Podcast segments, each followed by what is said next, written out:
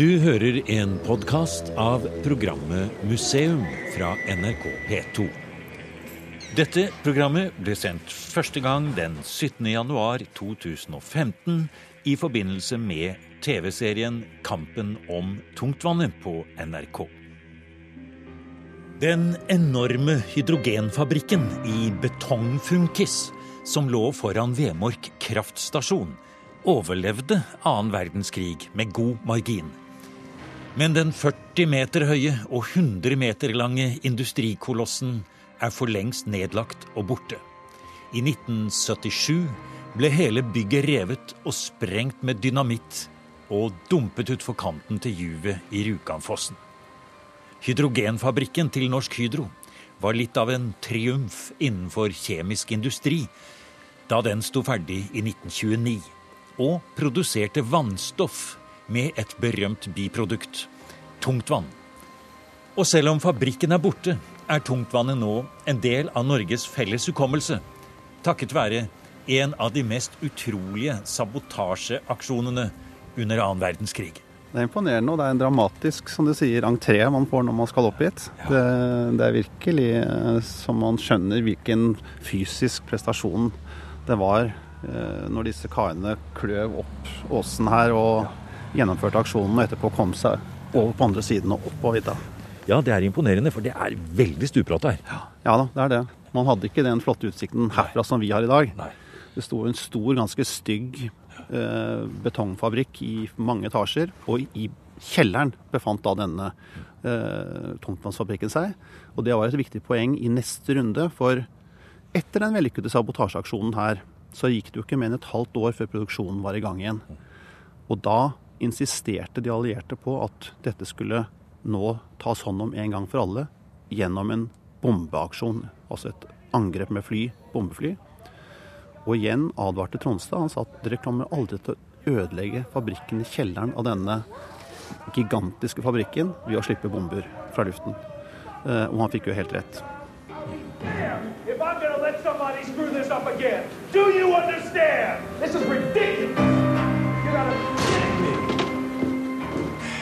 Apparently, the Americans have been planning to bomb the factory for the last year. Can't be bombed. The building is too solid. There's seven floors of armed concrete, Then we'll never get to the source. The whole thing's a disaster. It couldn't be worse. Dette er noen små lydklipp fra TV-serien Kampen om tungtvannet, laget av Filmkameratene for NRK. En av hovedpersonene i dette fjernsynsdramaet er en spesiell person som var helt avgjørende for planlegging og gjennomføring av Operasjon Gunnerside, da en liten gruppe soldater fra Kompani Linge greide å sprenge deler av tungtvannsanlegget i kjelleren til hydrogenfabrikken i slutten av februar 1943. Denne mannen var professor Leif Tronstad, som sammen med britene og de norske militære myndigheter i London planla og koordinerte de første aksjonene i kampen om tungtvannet på Rjukan. Og vi hørte også historieprofessor Olav Njølstad, nå direktør for Det norske Nobelinstituttet, men i denne sammenheng Tronstads biograf. I 2012 ga Njølstad ut boken Leif Tronstads krig. Og selv om det er en fjellside på Dronning Mauds land i Antarktis som er oppkalt etter Tronstad, så er det vel riktig å si at Tronstad var relativt ukjent før Njølstads bok. Ja, han eh, var på mange måter den glemte motstandshelten. Eh, og det er det nok da flere grunner til. Eh, I min bok så prøver jeg å vise at han var en annerledes motstandshelt på mange måter. Han var ikke en actionhelt som klatret over hustak med dynamitt og sprengstoff i ryggsekken. Eller gjorde andre spennende eller spenstige aksjoner. Han var en bakmann, en strateg, en som var med å legge planer. Eh, og hadde slik sett en mer sånn tilbaketrukket, men prøver jeg jo da å vise, desto viktigere rolle. Er også litt av forklaringen at Tronstad var mye eldre enn de andre klassiske heltene som vi kjenner, Sønsteby, Max Manus og de andre? Det kan nok være til dels tilfellet. Han var jo nesten 20 år eldre enn mange av disse. Eh, men det viktigste var nettopp det du snakket om først, at eh, han, han var Jeg vil rett og slett si det så sterkt at han var en slags nasjonal strateg. Eh, en som i sitt vitenskapelige virke Han var jo først og fremst en vitenskapsmann. Tenkte mye videre og mer langsiktig enn den rene forskningsoppgaven han sto overfor. Han hadde et industrielt perspektiv på sin, eh, sitt vitenskapelige arbeid. Eh, og det jeg prøver å vise i boken, er at han var spesiell fordi han var en kombinasjon av tre ting. Han var vitenskapsmann. Han var dette med nasjonal strateg. Og, og, det ser vi også under krigen, at han tenker veldig langsiktig. Han tenker også utover krigen. Eh, og så var han soldat. Og det må vi heller ikke glemme. Så selv om han var 20 år eldre enn mange av disse mest kjente aksjonskarene, så var han fra dag én, 9. april, soldat.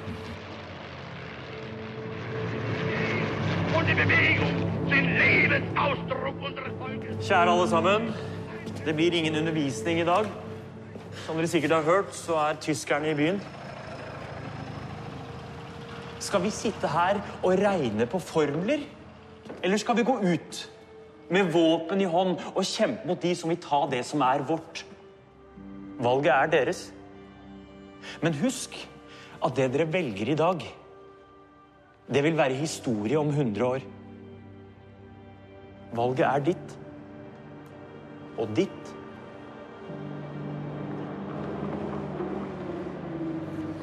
Vi ser i filmen eh, at eh, Tronstad reiser rett fra sitt kateter den 9. april til London. Men slik er det ikke i virkeligheten. Han organiserer da eh, sivil motstand og militær motstand i området der han bor og lever i Sør-Trøndelag. Så det tar jo faktisk en liten stund før Tronstad må flykte og reise over til London. Ja da, her tok serien et shortcut, og det, det kan vi godt forstå. for å drive fram fortellingen. Så han deltok først i det norske felttoget i Sør-Trøndelag. Holdt til oppe på Dovre og var etterretningssjef for motstandens, militære motstanden der. Da de norske styrkene i det området kapitulerte, så dro han tilbake og gjenopptok sin professorgjerning på NTH. Men begynte da å jobbe med sivil motstand mm. i flere sivile uh, motstandsgrupper. Bl.a. samarbeidet han også med de studentene på NTH som tidlig etablerte en hemmelig radiosender eh, til London. La oss få et lite glimt til inn på NTH i Trondheim under krigen, før vi blir med nær sagt Tronstad til London og får høre litt mer om hva som skjer der borte. For du skriver i din bok at eh, det var vanskelig for Tronstad å være motstandsmann på NTH. Og jeg vet ikke om vi kan kalle det for en kuriositet, men det er faktisk ganske interessant at to av hans kollegaer, professorkollegaer, de ble vel faktisk eh, statsråder i Quislings regjering, gjorde de ikke det? Jo da, det stemmer det. Ehm, så det var eh, både og når det gjaldt eh, motstandsviljen, mm. for å si det mildt, blant det vitenskapelige personalet på, på NTH. Det er ikke annerledes med vitenskapsmenn enn befolkningen ellers. Her hadde vi alle avskygninger av motstand, tilpasning og også samarbeid med fienden. I dette programmet forteller historieprofessor Olav Njølstad om den annerledes motstandsmannen, professor Leif Tronstad fra NTH i Trondheim, som ble så sentral i London under annen verdenskrig. I det norske fjernsynsdramaet Kampen om tungtvannet blir de militære aksjonene mot Vemork nøye beskrevet, men også datidens forskning og de fremtredende vitenskapsmenn som preget førkrigstiden i Europa, kommer tydelig fram. Og kjemiprofessor Leif Tronstad hadde lenge før krigen vært med i den øverste divisjonen av Europas vitenskapsmenn, sier Olav Njølstad. Tronstad gjorde en lysende vitenskapelig karriere, ble professor som 33-åring, var rådgiver for Norsk Hydro, og var til enhver tid svært interessert i alt som kunne gi Norge et strategisk, industrielt løft. Så hadde han et forskningsopphold i Tyskland tidlig på 30-tallet og i Storbritannia, Cambridge, eh, året etterpå. Og kom da tilbake full av inntrykk når det gjaldt den nye atomenergiforskningen, eller atomforskningen. Så han holdt den første forelesningsrekke vi kjenner til i Norge om atomkjemi. Som var en veldig populær forelesningsserie på NTH, og som også ble utgitt eh, som en publikasjon. Så han, eh, han, var hele tiden på jakt etter anvendbarhet, og da særlig industriell utnyttelse av forskningsresultater. Så, men når det gjelder dette med tungtvanngjørelse, som vi ser i denne filmen, og som da blir et veldig viktig poeng i eh, Tronstads krig, for å si det på den måten, så vet jo ikke verken Tronstad eller noen andre hva dette tungtvannet kan gjøre, eller hva det er. Eh, men han får overtalt altså Hydro til å begynne å produsere det. Det må jo være litt av en prestasjon, om man ikke aner hva bruksområdet er. Ja, nei, Det er en fascinerende historie. Altså, Umiddelbart etter at eh, Harold Uray oppdager tungtvannet, så skjønner Tronstad at dette her har man i Norge unike muligheter til å produsere billigere og i større kvantum enn nær sagt noe annet sted i verden. Og det er knyttet til hydrogenfabrikken på eh, Vemork overfor Rjukan, som Tronstad Eh, var i et nært samarbeidsforhold til allerede i egenskap av å være en slags vitenskapelig konsulent for Norsk Hydro. Eh, og en av Tronstads elever, som vi også møter i denne TV-serien, Jomar Brun, var sjefsingeniør på denne hydrogenfabrikken. Men det interessante er at i de foredragene Tronstad holdt sånn tidlig på 30, mellom 33 34-35 om dette, så er han allerede inne på tanken at dette kan bli viktig i forhold til atomforskning, og kanskje også energi. Så, så, her var han helt i front. Eh, han publiserte ting i de, de fremste naturvitenskapelige tidsskrifter ute i verden om tungtvann. Og opparbeidet seg da et navn som en av verdens ledende eksperter på tungtvannskjemi. Og da professor Tronstad måtte flykte med Gestapo i hælene og meldte seg til tjeneste for Forsvarets overkommando i London, så kom han rett inn i kampen om tungtvannet. Etter hvert fikk Tronstad majors grad og ble en viktig ekspert for de allierte. Men det er ikke sikkert det var det han tenkte seg da han meldte seg til tjeneste, sier Njølstad. Det er nok litt uklart hva han så for seg sånn helt til å begynne med. Eh, det viktigste er nok at han så for seg at krigen skulle vare mye kortere. Tronstad var en veldig optimistisk natur. Eh, han var blant de som eh, nok nesten aldri tvilte på at de allierte ville seire.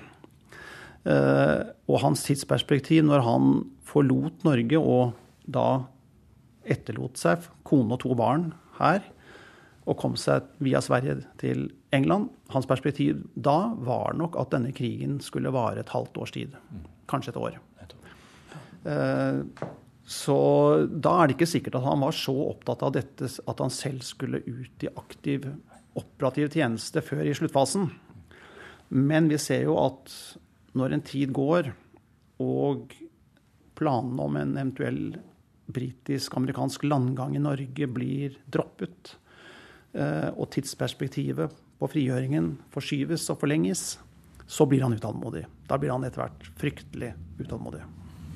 Eh, og i det miljøet han kommer, så er det vel slik at han har mange kjente. Eh, han kjenner til den forskningen som pågår, og han regnes vel for å være en så ypperlig vitenskapsmann at han muligens like gjerne kunne nå ha sluttet seg til de vitenskapsmennene som i England på denne tiden forlater sine normale nær sagt, eh, forskningsprosjekter og finner opp ting som radar, sonar og andre ting som jo da pågår i, i høy grad.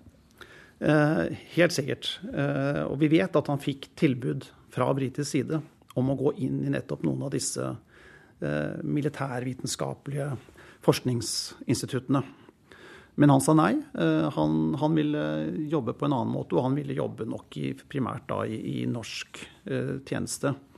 Men han så jo til fulle betydningen av at Norge også skaffet seg denne kompetansen.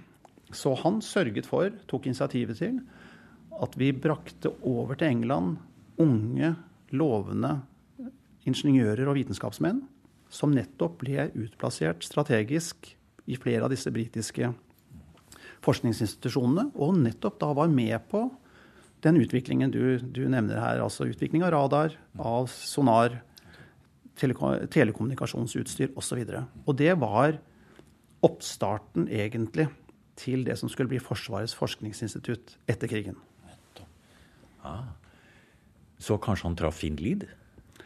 Han, jeg vet ikke om han traff Finn Lied der, men han hadde jo truffet Finn Lied på NTH, hvor Finn Lied var student. Eh, og Finn Lied var nettopp en av de unge studentene som drev motstandsarbeid på NTH, og hadde kontakt med Tronstad. Major Tronstads strategi og hans råd om ikke å bombe, men sende inn en liten gruppe sabotører, gjør stor suksess. Churchill gir ros etter operasjon Gunnerside. Tronstad får ordenen Member of the British Empire. Men hjemme i Norge er det ingen som vet noe om Tronstads rolle. Og også Tronstad selv begynner å få sine tvil i London, sier Njølstad. Tyskerne greier å få i gang produksjonen på Vemork ganske raskt etter sprengningen. Og nå er det tydelig at Tronstads råd ikke blir tillagt like stor vekt. Amerikanerne og britene vil bombe, og Tronstad føler seg tilsidesatt. Jeg vil nok si at han blir ført litt bak lyset i denne, denne høsten 1943. Eh, For da kjenner man på alliert hold så godt til Tronstads holdning. Og at Tronstad har vært med på å drive gjennom en, et norsk krav om at Forsvarets overkommando og til dels regjeringen, forsvarsministeren, skal informeres hvis de allierte skal iverksette, har planer om å iverksette sånne massive bombeangrep mot norsk industri. Eh, og han har egentlig fått et løfte av britene om at de ikke skal bombe Vemork uten at han blir informert. Sånn at han vil kunne få sjanse til å påvirke hvordan aksjonen skal finne sted. Og noe av det jeg fant i, eh, under arbeidet med min bok, og som ikke egentlig har vært ordentlig godt nok belyst tidligere, det er at det da tas rett og slett en beslutning på britisk-amerikansk hold om å ikke informere Tronstad. Så når bombingen av Vemork finner sted i november 1943, med fatale konsekvenser, mange sivile dør, eh, og begrenset skade på tungtvannsanlegget, som Tronstad forutså, så var dette et sjokk for Tronstad. For han var ikke blitt informert, og han ble rasende. Han og Jonar Brun ble fly forbanna, og de lagde bråk. Uh, og det var nok en, en, en, stor, stor skuffelse for Tronstad at han måtte se at her hadde de allierte handlet egentlig i strid med den forståelse han mente de hadde. La oss eh, holde oss litt nå i London, før nå historien begynner å nærme seg en slutt. En tragisk slutt er det også. Men du har altså fortalt at etter denne første voldsomme suksessen som Tronstad har med sin strategi, så snur alt seg i London. Og det er vel kanskje, for å gjøre en lang historie kort, riktig å si at nå går Tronstad til sine sjefer. Han, er, han sier 'jeg vil hjem'. Ja, han, han, bestemmer seg for at han vil ut i operativ tjeneste. Det hadde ikke bare med disse problemene med bombingen og sånn å gjøre, selv om det kan ha vært en faktor. Eh, Tronstad hadde over tid følt det mer og mer problematisk at han var med på å sende unge norske menn ut på veldig farlige oppdrag. Mange av dem kom ikke tilbake. Eh, mens han selv satt trygt i London. Det var ikke noen situasjon som han var veldig bekvem med. Eh, og løsningen for ham var nok da at han selv ville i aktiv operativ tjeneste. Så han insisterte mer og mer på at han måtte få lede sin egen operasjon. Dette ble avvist gang på gang. Men så kommer det et punkt hvor han antagelig ikke heller er like viktig for de allierte. Eh, og hvor man velger å gi slipp på han, la han få lov. Eh, og det er, mange, eh, det er, en beslutning som mange i ettertid har vært veldig kritiske til. Mange mener at han satt inne med altfor mye sensitiv informasjon til at det var trygt, forsvarlig å sende ham på den type oppdrag. Og her er det kanskje også passende å, eh, å, nevne det, som du har også sagt tidligere, at det hadde i hvert fall ingenting, dette han skal reise hjem, med noe eh, på å si, eh, amorøse forhold å gjøre, slik som fjernsynsserien muligens kan antyde. For det sier du, det er i hvert fall da noe som du ville poengtere at det finnes det ikke noe belegg for i de kildene som du har sett, og du har vel sett ganske mange? Jeg er ganske sikker på at jeg har sett det meste. Eh, og eh, nei, nei det er ingen, ingen indikasjoner på at Tronstad hadde noen utenomekteskapelige affære i London. Tvert imot. Det finnes veldig sterke indisier på det motsatte. At han var en egentlig usedvanlig familiekjær person. Og han holdt kontakt med sin hustru gjennom hele krigen. De fikk smuglet brev ved hjelp av motstandsbevegelsen til og fra Norge. Og Tronstad etterlot seg også et, et, brev til sin kone når han dro på dette oppdraget hjem til Norge, eh, med beskjed om at hvis jeg ikke overlever krigen, så skal dette brevet overrekkes henne når krigen er slutt. Og det er et nydelig kjærlighetsbrev til henne. Så det er ingen, ingenting som tyder på at, at uh, han hadde noen slikt svermeri i London. Uh, det er jo ikke noe viktig i, i, forhold til den store historien her, men det har jo betydning for hans karakter, da. Og, og det er litt synd at den kanskje da har blitt framstilt annerledes enn den var på det punktet. Du nevner de kildene du har sett på, og her kan vi vel kanskje også si Du skriver i din bok at bl.a. dagboken til, eh, til, Tronstad og en del andre dokumenter også, sier du et par steder i din bok at du som historiker eh, kan si at det virker som de er skrevet nær sagt for ettertiden. Altså at det virker som om Tronstad er veldig bevisst på å, å dokumentere og gjøre ting slik at denne historien skal kunne fortelles jeg å si, riktig. Ja, det er ganske tydelig. Det er klart Da skal man som historiker også være litt på vakt når man skjønner at folk skriver dagbok med ettertiden for øye. Eh, men hos ham var ikke det spørsmål om å vise at han hadde hatt rett på alle punkter, eller noe sånt, men han var nok opptatt av å forklare og rettferdiggjøre for sine nærmeste hvorfor han hadde latt dem være igjen. Hvorfor det var nødvendig for ham å dra til London. Og for å vise dem og gi dem et mest mulig sant bilde av hva han hadde holdt på med i disse årene når de var alene hjemme, overlatt til seg selv i et okkupert Norge. Høsten 1944 er det klart for alle at Tyskland kommer til å tape krigen. I London setter Leif Tronstad alt inn på å få reise til Norge og organisere det militære motstandsarbeidet slik at man kan hindre en eventuell tysk ødeleggelse av norsk industri og kraftproduksjon i Sør-Norge. Særlig er det Vemork og Norsk Hydros vannkraftanlegg i Telemark han vil beskytte mot en brente jords-taktikk. I boken 'Professor Tronstads krig' beskriver historiker Olav Njølstad hvordan Tronstad får klarsignal til å sette i verk Operasjon Sunshine, og hvordan Tronstad med base på en hytte i fjellheimen i Telemark organiserer et nettverk på 2000 milorgmenn. Men det er midt inne i denne operasjonen Tronstads liv får en brå slutt. Hans Milorg-gruppe har tatt lensmannen i Rauland til fange og ført ham til en fjellhytte for avhør. Eh, og det er Tronstad da som gjennomfører dette avhøret. Og han er akkurat i ferd med å forlate hytta, eh, gå tilbake til hovedkvarteret sitt da døren plutselig farer opp, og en mann stormer inn med hevet pistol og skyter Tronstad og en av de andre eh, lyngekarene. Eh, begge blir jo da drept eh, i de tumultene som oppstår etter dette. Den ene blir skutt og dør momentant. Tronstad angriper denne mannen som stormer inn, og det blir et basketak. Og så blir Tronstad skutt i den kampen. Den 11. mars? Det er 11. mars 1945, eh, så det er bare noen få uker før frigjøringen, dessverre. Hvis du nå i ettertid, Njølstad, skulle si, si hva som kunne ha skjedd, litt kontrafaktisk historie om denne aksjonen med lensmannen ikke hadde falt ut på den måten, om eh, Tronstads eh, overordnede ikke hadde latt ham reise, så har du nevnt i din bok at eh, en person som så vidt har nevnt her, som, som Tronstad var i kontakt med under krigen, nemlig Finn Lied, som jo ble en svært sentral mann i oppbyggingen av Norge etter annen verdenskrig. Kanskje den mest sentrale av alle når det gjaldt i hvert fall industrioppbyggingen. Han har uttalt seg om Tronstad. Ja, han sa i ettertid at uh, Leif Tronstad var den store etterkrigslederen Norge aldri fikk.